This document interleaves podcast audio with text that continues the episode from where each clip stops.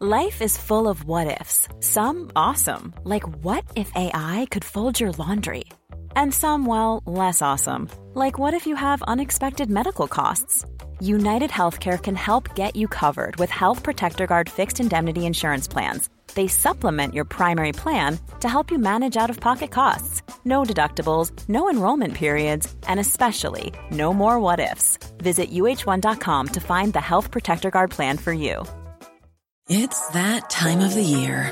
Your vacation is coming up. You can already hear the beach waves, feel the warm breeze, relax, and think about work. You really, really want it all to work out while you're away. Monday.com gives you and the team that peace of mind. When all work is on one platform and everyone's in sync, things just flow wherever you are. Tap the banner to go to Monday.com.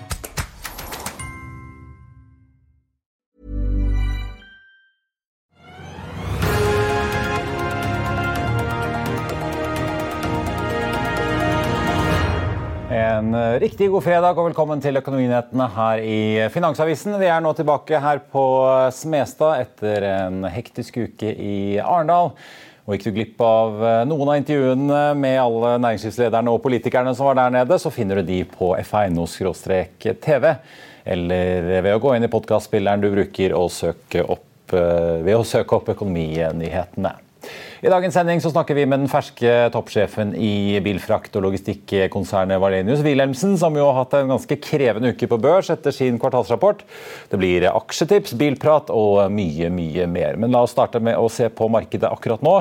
Nordsjøoljen eh, er ned 2,1 i dag og ligger nå og vaker rundt 94,5 dollar per fat i spotmarkedet. Vi har jo sett eh, at oljeprisen har ligget i det, liksom det spennet mellom 90 og 95 nå de siste dagene. Den amerikanske lettoljen VTI ligger på 88,60 og er ned 2% blank.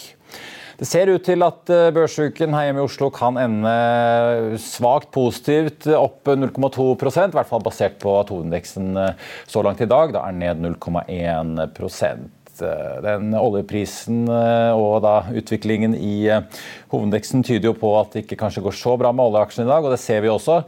Det store unntaket er jo først og fremst Equinor, som suser opp på gode gasspriser i dag. Aksjen er nå opp 0,8% Både i Storbritannia og i Nederland så har vi nå nådd nye topper på gassprisen så sent som i går, idet vi sakte, men sikkert nærmer oss den kritiske vintersesongen for det europeiske kontinentet. Apropos rundt oss i Europa i dag, så er børsbildet litt blandet. Det største utslaget er egentlig Frankfurt-børsen, der Dax er ned et drøyt halvt eh, poeng. På eh, Wall Street så peker futuresene mot et eh, fall etter en rolig oppgang i går.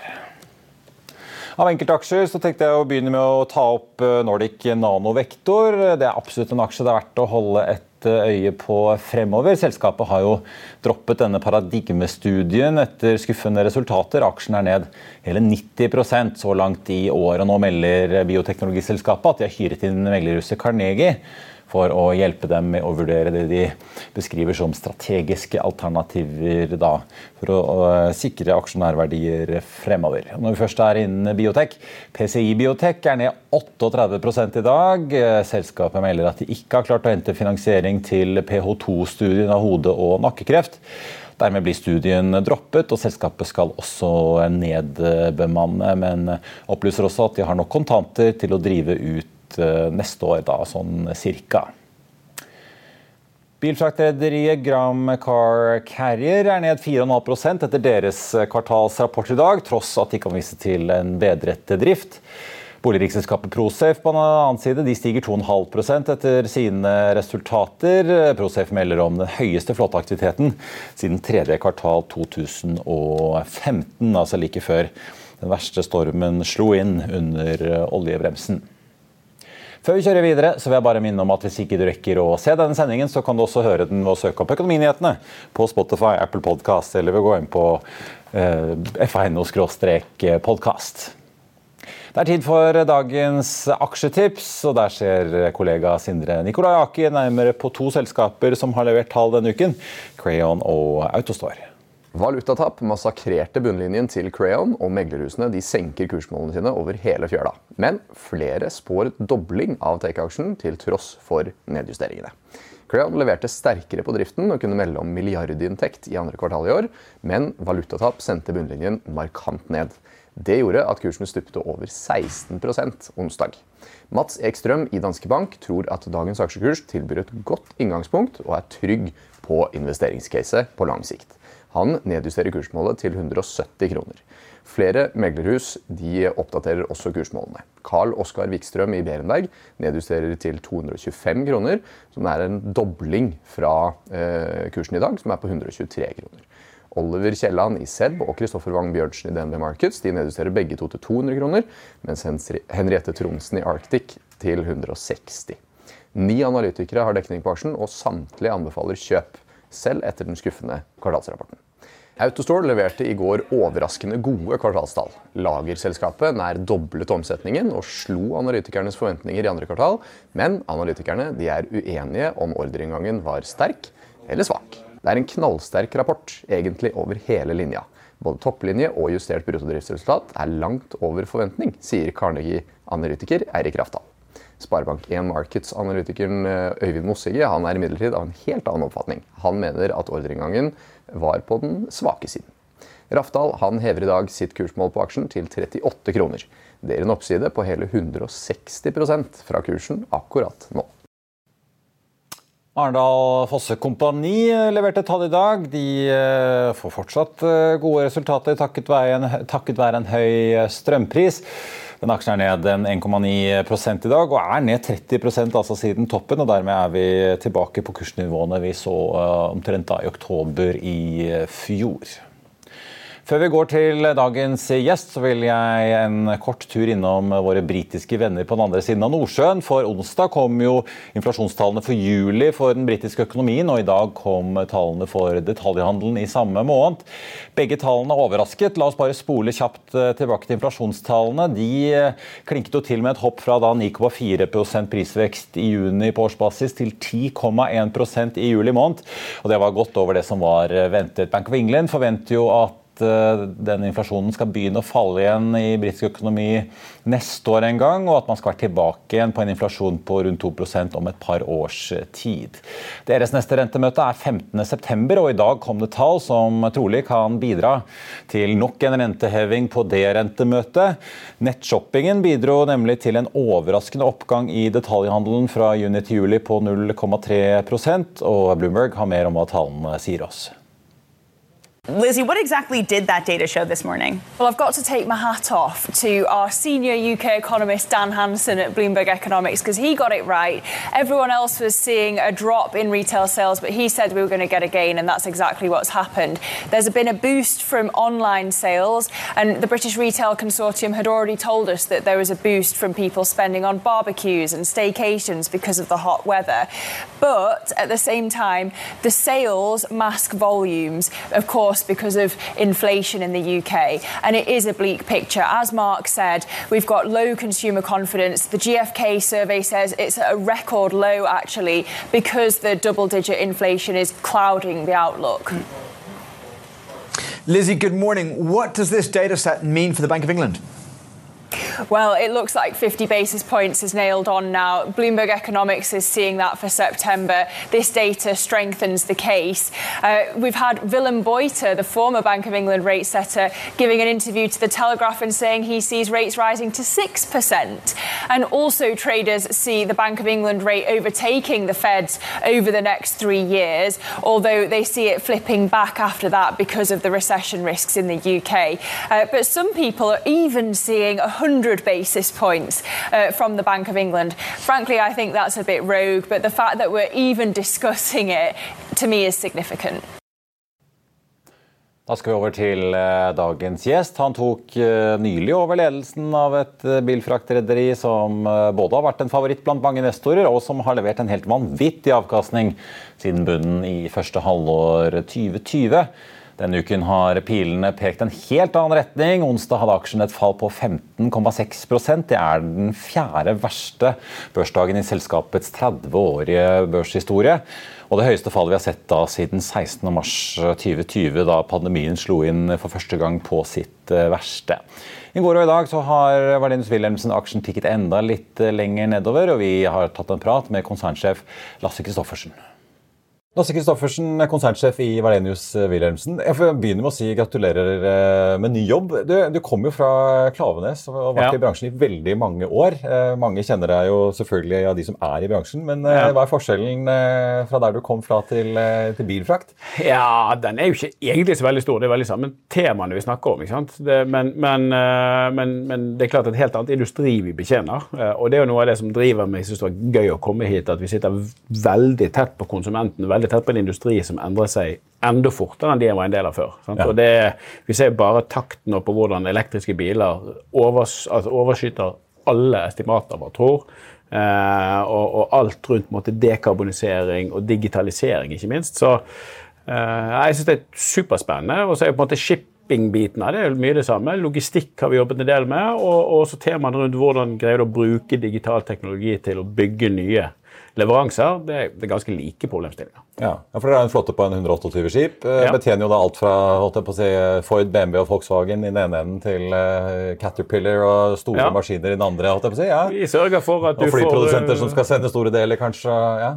Du sitter, det er sikkert noen som kommer til å sitte i en Airbus eller en Boeing som vi har bidratt til å, å, transportere, eller spise mat som vi har bidratt til å få høstet. Og I Norge så har vi jo faktisk et F.eks. Med, med, med en av disse elbilprodusentene NIO, som vi har ansvar for å ta helt fra fabrikken i Kina og igjen på døren til folk i Norge. Så, så um, vi er absolutt involvert i alt som ruller på hjul, er det vi sier. Ja. Du, kom jo akkurat inn som uh, konsernsjef, ja. uh, men dere har jo fått ordentlig juling i markedet denne uken etter kvartalsrapporten. Uh, dere ja. er jo likevel opp over 700 fra bunnen da i 2020. Uh, og 21 da så langt i år. Likevel, hvordan leser du den reaksjonen selv? Nei, Jeg leser uh, at vi fikk noen dager med jubel noen dager med juling. så var, så Hvis du ser på en måte hvor vi ligger hen prisingsmessig nå, så ligger vi der vi omtrent lå for en uke eller halvannen siden. Og, og, og markedet er markedet, og hva, hva som, hva, hvordan det prises, det må vi bare ta til etterretning. Vi leverte et resultat som vi syns er veldig bra. Eh, vi har en veldig sterk EBITDA. Eh, vi leverte en EBITDA som er mer eller mindre nøyaktig, kanskje bare bitte litt over konsensus av analytikerne. Så, så, vi opplever at vi er konsistent på det vi har kommunisert til markedet. Og, så, og markedet har feiltolket underveis, det kan ikke jeg si, men, men sånne raske reaksjoner opp og ned kan jo tyde på at, eh, at det er andre faktorer enn oss som har påvirket det. Eh, men Si litt om tallene. Hvis du sammenligner med samme periode i fjor, så er det en oppgang i, i omsetning, resultat. Ja. Ser du nedover på segmentene dine, så har du jo eh, egentlig en eh, oppgang da i shippingtjenester, en ja. nedgang i eh, logistikk. Ja. Fortell litt om liksom, hva som da skjer under ja, panseret. Det kan høres veldig rart ut, sant? Eh, men, men, men, du kan si sånn at veldig Enkelt forklart så er verdens bilindustri i en liten krise. Eh, de får ikke tak i nok deler. Først var det disse semikonduktorene som alle har hørt om, sant? som skal inn i mulig alt. Så kom krigen i Ukraina, og der er det faktisk en, en del kabler som skal inn til biler i Europa. kommer derfra. Porsche måtte stoppe produksjonen sin i noen uker der, ja. Det, mm. faktisk, det produseres færre biler i verden nå enn det har vært gjort på lenge. I år kanskje rundt 80 millioner biler. Sånn at det flyttes mindre biler. Men det som er bra for shipping, er at de prioriterer eksport. Det er bedre betalt, det er veldig viktig å beholde markedsandeler. Så eksporten er ganske stabil. Altså typ uh, Kia sender ja, heller biler til Europa enn å selge internt til Sør-Korea? Ja. Nå Slaget for Kia er nå hvordan, hvordan, tar vi posisjonen på EV? ikke sant? Uh, og da, skal, da, da, er eksport ekstremt viktig for dem. Mm. Mens den logistikkvirksomheten vår er mest rigget rundt intraregion eh, flytting av biler. Altså Vi står på fabrikken til Nissan i USA og gjør ferdig bilene. Vi transporterer de ut til dealers, og vi gjør til og med prosessering underveis. Det volumet er ned. Ja. Det volumet er ned, For de får ikke tak i nok deler.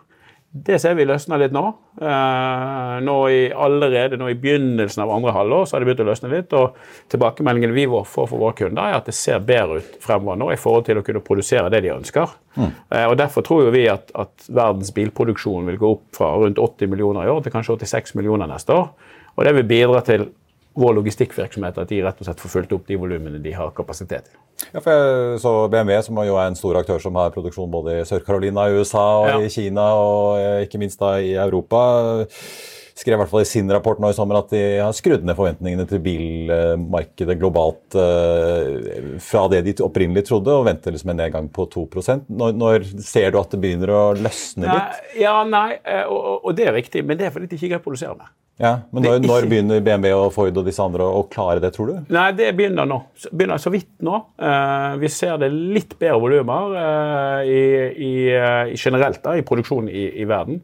Men, men, du kan si at er fortsatt er det jo veldig sånn regionalt og litt forskjellig. og sånn, Men tommelfingerregelen er at alle biler som blir produsert, blir solgt. Tidligere i USA så kunne du gå inn til en, til en forhandler og si jeg skal ha den blå bilen den, sånn og sånn, ja. mm. og kjøre den hjem etterpå. Det er gone. De har ikke lager lenger. Eh, sånn at, og bilene blir solgt før de på en måte kommer til forhandleren.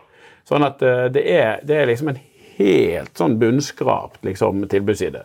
Så er det klart etterspørselssiden av biler på, eller av andre ting påvirkes jo av økonomien. Når folk skal betale mer for strøm og mer for rente, så har de litt mindre penger til en bil. Men, men det er nå eh, det man kaller liksom pent up demand. altså Det har vært så lenge for lite biler tilgjengelig at vi tror det er en god buffer mellom den etterspørselen som reelt ligger der, og det industrien har vært mulig å produsere. Så, så, vårt syn er at til tross for økonomisk uro, så er det stor interesse for å kjøpe bil. Ja. Uh, og et, et, siste element på det er f.eks. det bilprodusentene også har gjort. De har prioritert premiummodeller, for da har de gode marginer. Så Bilprodusenter har tjent bøtter og spann med penger, men de har latt være å produsere de billige bilene. Der er det et kjempebehov. Og markedet for annenhåndssalg av biler i verden har eksplodert. Vi flytter masse brukte biler fordi du får ikke tak i lavpris. Mellom ulike land, ja mellom ulike land. Der ser vi nå, der, nå, der er det flere av de store som har annonsert nå skal vi begynne å produsere det igjen. og Vi skal banke det inn i USA, vi skal banke det inn i Europa. Og det er bra for oss. Eh, marginen deres har jo vært litt under press, eh, ikke minst selvfølgelig pga. drivstoffprisene. Ja. Det får du ikke gjort så mye med, men også pga. Sånn kø og mye backlogs rundt i havner og mye greier. Ja. Eh, kan vi se at hvert fall den delen av marginpresset blir litt løftet nå? eller? Nei, altså egentlig ikke. Du kan si, Bare ta fuel først, da, eller bunkers. Eh, vi får over tid dekke tilbake bunkers. Så om bunkersen går opp eller ned for oss, handler litt om at, eh, om at, vi, at det tar litt tid før liksom, det slår inn i disse justeringsfaktorene vi har. Men sånn stort sett så er 90-95% av svingningene i bunkers de får vi betalt tilbake. Så det er ikke et stort problem for oss. Problemet for næringen er at med covid skjedde det to ting. Vi gikk fra å ha fullt trøkk til å falle omtrent til null. Og så skulle vi ta igjen alt det på nulltid. Så vi skulle dytte mye mer gjennom verdens supply chains enn det som var mulig, og der fikk vi køer. Og på toppen av det så var hele produksjonen rundt havner og sånn, den var veldig ustabil, for folk fikk covid, nå er det streik og en del sånne ting. Så du har en del faktorer som har gjort at køene har vokst betydelig. Så vi sier nå at sånn 10% av vår flåte ligger til enhver tid og venter. Tidligere var det ikke sånn. Um, på en måte er det bra for oss, for det styrker jo markedet, men vi er veldig opptatt av å kunne levere forutsigbarhet til kundene, så vi ønsker ikke det. Nei. Og vi mener selv om disse køene går bort, så skal det likevel være en god balanse i markedet. Eh, vi må snakke litt om flåte. Eh, ja. fordi En grunn til at veldig mange er eh, veldig optimistiske på din bransje sine vegne, er jo nettopp at man ser ikke noe sånn veldig vekst i flåten Nei. de nærmeste tre-fire-fem årene. Nei. Det virker ikke som dere gjør heller. Men det har jo liksom vært spekulasjoner om dere skal komme og bestille noe. Det har du avvist ganske kontant, men du har sagt dere skal komme med en ny flåtestrategi ja. nå til høsten. Hva er det egentlig vi kan vente oss? Jeg har kontant avvist at vi har bestilt, ja. ikke at vi skal bestille. Og vi skal bestille, bare snakk om På et tidspunkt, ja. ja. Men, eh, men, eh, Nei, altså La meg bare gi litt kontekst. Dette er enormt krevende beslutninger uh, av flere grunner. Den mest opplagte er at nå er det dyrt med ny båt. Det andre er, ja, fordi det er sprengt på verft? Altså. Sprengt på verft. Det andre er at det er veldig lang ledetid. Så vårt behov for skip i år og neste år blir ikke løst med at vi får en båt i 2026, men vi må kanskje likevel ha det. Og det tredje er jo dette rundt eh, energi og teknologi. Og, og, det vi har sagt, er at vi bygger ikke en ny båt uten at vi skal se en klar vei til null med den båten. Det betyr ikke at den går på nullutslipp første dagen, men vi skal være helt sikre på at, at den, kan, kan brukes i, i 2035? Yes. For å si det litt enkelt. da. Med null. Mm. Eller 2040, eller ja. Og, og, og, det gjør at vi nå må både må jobbe med teknologier og energikilder som ikke fins. Eh, og det betyr at vi må eh, få inn veldig mye fleksibilitet i disse skipene. Vi må kunne tilpasse oss mange ulike fremtidige scenarioer. Ja, for jeg ser jo øh, dine danske venner i Versk, holdt jeg på å si, ja. Eh, kollegaer i bransjen i hvert fall, de har jo staket ut en kurs, virker det som, på metanol. Ja. Yara, som også driver eh, shipping, eh, snakker jo da om ammoniakk. Ja. Eh, Andre snakker om hydrogen. Ja. Ser dere egentlig noen kurs, eller Nei, altså, sitter det- dere litt på gjerdet og venter nå? Nei, vi, vi, vi sitter ikke på gjerdet. Vi jobber ekstremt aktivt. Og all ære til Mersk som har liksom tatt en stake, men men jeg tror her må vi rydde litt i begreper. Metanol er karbonnøytralt. Der i metanol er det rett og slett at man tar hydrogen, og så tilfører man CO2 som man har fanget. Brenner det, så kommer CO2-en ut igjen. Så den er CO2-nøytral. Eh, I det korte bildet er det en fornuftig teknologi å se på, og vi også må se på det. I det lange bildet tror vi at vi må til null. Altså ikke CO2-nøytral, men null CO2. Og da må vi koble det hydrogenet med noe annet. Og det er altså nitrogen, og da får vi ammoniakk. Så, øh, og nitrogen, 70% av luften vår er nitrogen, så det er naturlig. Så, så sånn over tid tror jo vi at vi må finne løsninger for absolutt nullutslipp. Uh, hydrogen i sin rene form har ikke høy nok energitetthet når vi tar med lagerbyggingen på et skip. sånn at og må kjøles veldig, veldig må kjøre mye ned? sånn, Ja. sånn at akkurat nå eh, ser det vel ut til at i det korte bildet så er metanol veldig lovende for å komme til nøytral. Mens ammoniakk er kanskje mest lovende på litt sikt for å komme faktisk til null. Hva er det du skal komme i høst? Er det en slags tidsplan for når dere skal bestille, eller når dere skal beslutte hva slags teknologi dere går for? invitere meg eller? tilbake, da. Skal Ja, det skal jeg gjøre. når i høst er det, da? Er det Q3-rapporten din? Nei, det, vi kan ikke gi noe tid på det. Vi har sagt i år. Ja. Um, og det, det kommer når det kommer. Men ikke fordi vi har noen hemmeligheter på gang. Vi jobber veldig aktivt med det nå. Eh, Du, til slutt, eh, Dere har jo eh, annonsert en ganske stor refinansiering nylig, som Ja. på da har en ramme på 800 millioner dollar. Ja. Kombinert da, så jeg at dere har jo hatt noen grønne obligasjoner utstedt tidligere år på snaue 1,3 milliarder. Da er dere fort oppe i en ny finansiering i år som snuser på 9 milliarder Ja. kroner, litt avhengig av dollarkursen man legger inn.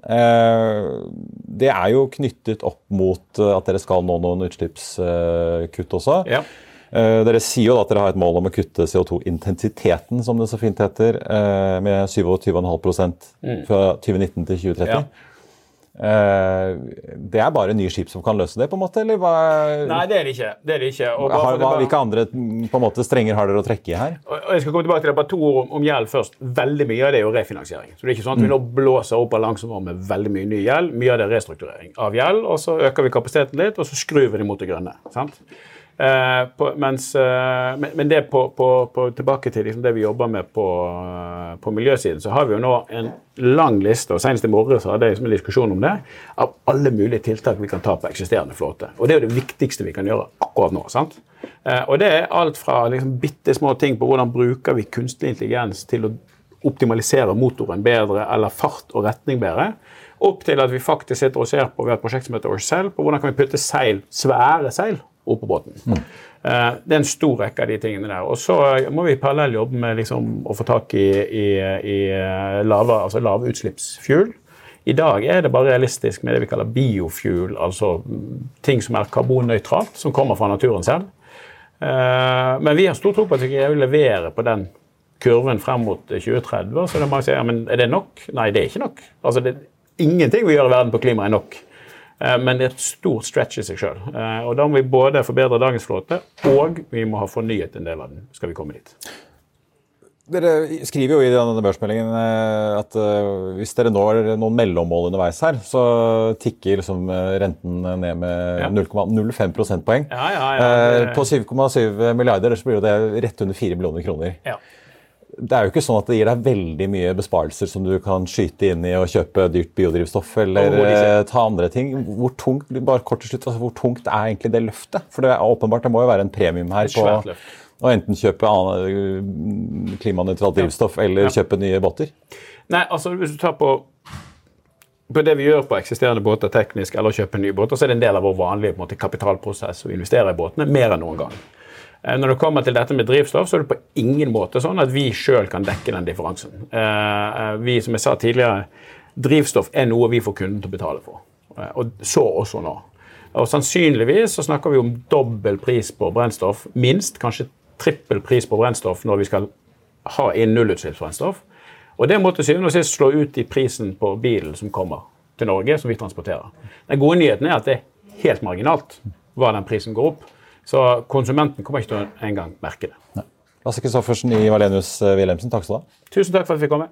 I'll see you in court. Vi sier det ofte litt på spøk, men for deg som driver business, er det aldri moro å innse at du ikke har laget en 100% gyldig kontrakt. Du bør ikke risikere hele firmaet ditt fordi du synes dette med kontrakter er litt stress. En avtale er ikke en avtale. Du kan miste kunder, miste venner, ja, til og med miste inntekter om du ikke lager en skikkelig kontrakt, på alt mulig, egentlig. Men vi vet det er et styr. Kopimaskiner, tregprinter og haugevis av papir. Dessuten stoler vi jo på folk her i landet. Det er ofte litt kleint å skulle be om en signatur for alt mulig, ja, for mye av styret handler også om jakten på underskriften. Det finnes en enkel måte å løse dette på, Dukkobit, en trygg, effektiv og get this, gratis måte å sikre seg en god natts søvn pluss en juridisk bindende avtale. Dukkobit-appen har de strengeste sikkerhetskrav i bunn, samt en EU-godkjent og sertifisert teknologi. Framover vil det bli behagelig å spørre du, skal vi skrive under på det, eller? Kom i gang på dukkobit.no. Og aksjen til Valenius Wilhelmsen den er ned 4,5 i dag, til 60 kroner og 10 øre. I løpet av uken så har meglerhuset SEB kuttet sitt kursmål fra 120 til 110 kroner. Pareto har tatt sitt fra 98 til 88, DNB fra 110 til 103. Mens Clarksons Plato har gått fra 85 til 80 kroner. Det er imidlertid verdt å merke seg at alle disse meglerhusene fortsatt har en kjøpsanbefaling på Valenius Wilhelmsen, da, ifølge en oversikt fra TDN. Tidligere Quantafuel-sjef Kjetil Bøhn har puttet eh, mer av pengene sine inn i Kyoto Group, dette selskapet som driver med termiske batterier for industriell bruk. Selskapet kom på børs i mars 2021, og etter en rask tur opp til en eh, kurstopp da, på 57 kroner og 94 øre på det meste, så har det bare gått eh, nedover.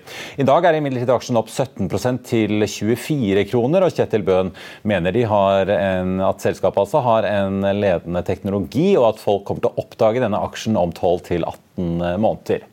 Bøhn har vært med som aksjonær siden starten eh, på børs, men går nå inn med mer, altså. Og han har nå bikket 10% eierandel i Kyoto, og det er faktisk mer enn Norsk Hydro eier i selskapet. Tekstep leverte noe svakere omsetning, eh, viser deres kvartalsrapport, men driftsresultatet endte på det samme i kronebeløp. hvert fall. Selskapet beholder guidingen sin, men aksjen er likevel ned 9,1 eh, i dag. En annen aksje som faller nesten like mye, er offshorerederiet Solstad. Den aksjen er ned 8,8% Solstad kom jo som de pleier med tallene sine etter børsslutt i går. Og selv om dette er altså det beste bruttodriftsresultatet EBTA altså i et annet kvartal noensinne, ifølge rederiet, så ødelegger valutatap for bunnlinjen og resultatet etter skatt gikk fra minus 270 til minus 850 millioner kroner. Omsetningen på sin side den økte fra 1,26 til 1,75 milliarder kroner. Rederiet fikk inn nye ordrer på 2 millioner, noe som gir en ordrebok på 7,2 milliarder, eller 13,8 hvis man regner inn alle opsjonene. Og Grunnen til denne valutasmellen det er primært at eh, Solstad har mye av gjelden sin i eh, dollar. Vi skal straks eh, ta en titt på markedet på tampen av børsdagen, men først varmer vi opp til helgen med litt bilprat. Bare se her. Det er eh, straks helg, og det betyr at det er eh, tid for Finansavisen Motor. Med meg har jeg Håkon Sæbø i FA Motor, og så får vi ta med podkasten eh, Mil etter mil. Håkon, vi har begge vært i Arendal. Du har snakket litt bil der nede. Det skal vi komme tilbake til. Først må vi nesten se på coveret for helgens motor, Range Rover Junior. Ja. ja. Sånn ser den ut. Det er kanskje mange oppe på Geilo som venter på den der? der. Ja, jeg tipper det. Eller i hvert fall som skal til Geilo. Ja, ikke sant? Ja, Det er en viktig forskjell. Eh, spennende bil. Ladebar nå i utgangspunktet. Og vi snakker om Range Rover Sport i kliss ny uh, modell for første gang siden hva da? 2013? Ja. eller noe sånt? Ja. Det har skjedd uh, mye siden da. Uh, nå er det jo en ganske solid rekkevidde på rundt 100 km. Og sekssylindret bensinmotor, enten 440 eller 510 hestekrefter, som ladbar. Det går unna. Det går unna. De er kjappe, men de er ikke billige. Så jeg tipper en del kommer til å vente på elmodellen som kommer i 2024. Ja. For de kommer jo også med vanlig bensin og vanlig diesel, hybrid og da snart el. Eh, de fleste nordmenn går kanskje da for hybriden? Jeg tipper det. Eh, det kommer jo også en BMW V8, slik man har på den store Range Roveren som vi kjørte rundt eh, påske. Eh, det er jo da en BMW-motor. Og det interessante er at BMW også jobber med det elektriske eh, på undersiden. altså Det er et samarbeid mellom BMW og eh, Land Rover.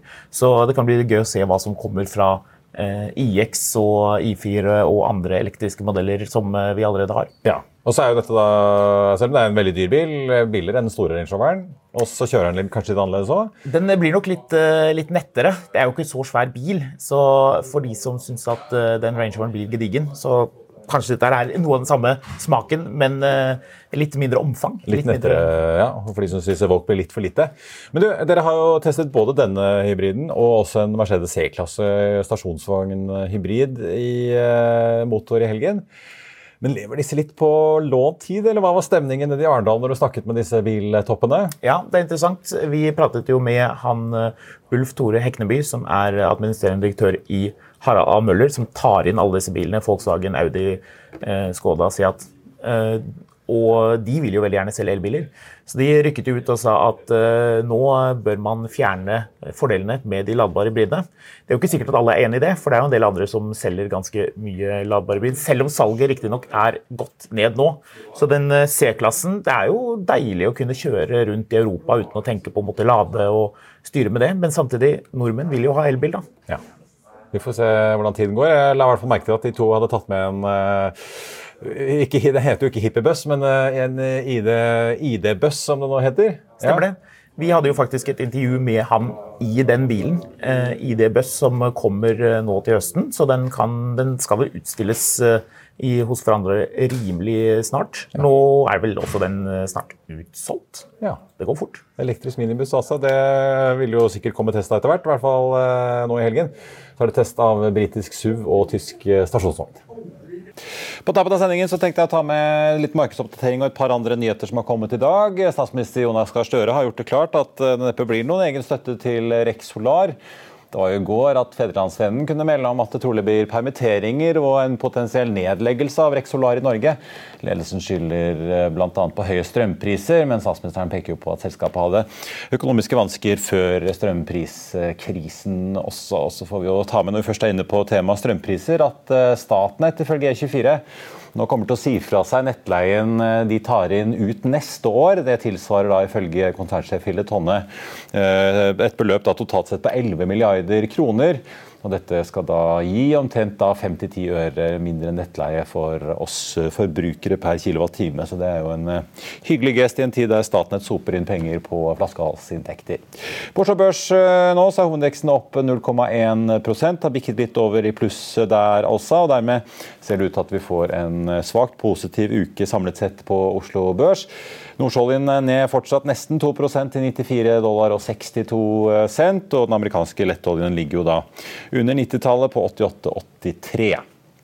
Ellers på Oslo Børs eh, så får vi jo ta med at Solstad Offshore, som kom med tall eh, på tampen av gårsdagen etter børsslutt, nå begynner å nærme seg nesten et fall på 10 eh, Til tross for da egentlig bedre tall, så fikk de jo da en ordentlig smell på bunnlinjen av valutakurser, i og med at de har da mye gjeld i dollar. Equinor opp 0,64% Svært høye gasspriser om dagen, som sagt da i Europa, mens Aker BP faller med 0,85 de har jo da en lavere gasseksponering enn Equinor. Så får vi jo ta med Rex Silicon, som kom med tall denne uken, ned 0,7% MPC Container kommer også med tall. De er ned hele 10,5 da i eh, dag.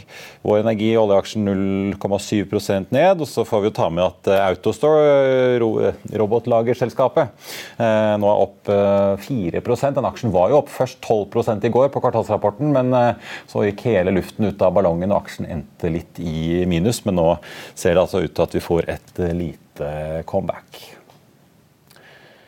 I Finansavisen i morgen på lørdag så kan du lese Trygves leder om eh, at boligprisene kanskje faller nå. Tar man bort eh, låneforskriften, kan det bli bonanza for sykepleierne, skriver Hegnar. Du kan også lese om Handelsbanken, som tror Norges Bank er ferdig med rentehoppene sine allerede før jul. Det blir børsintervju med Robert Lie Olsen i Holberg-fondet, og det blir profilintervju med den ferske Kambi-sjefen Eirik Fadnes, i tillegg til masse annet bil, vin og helgestoff. Og Det var det vi hadde for deg på denne fredagen. Tusen takk for at du så på. Mitt navn er Marius Lorentzen, og vi er tilbake igjen her på mandag klokken 14.30. I mellomtiden ønsker alle vi her i Finansavisen deg en riktig god helg. Takk for nå.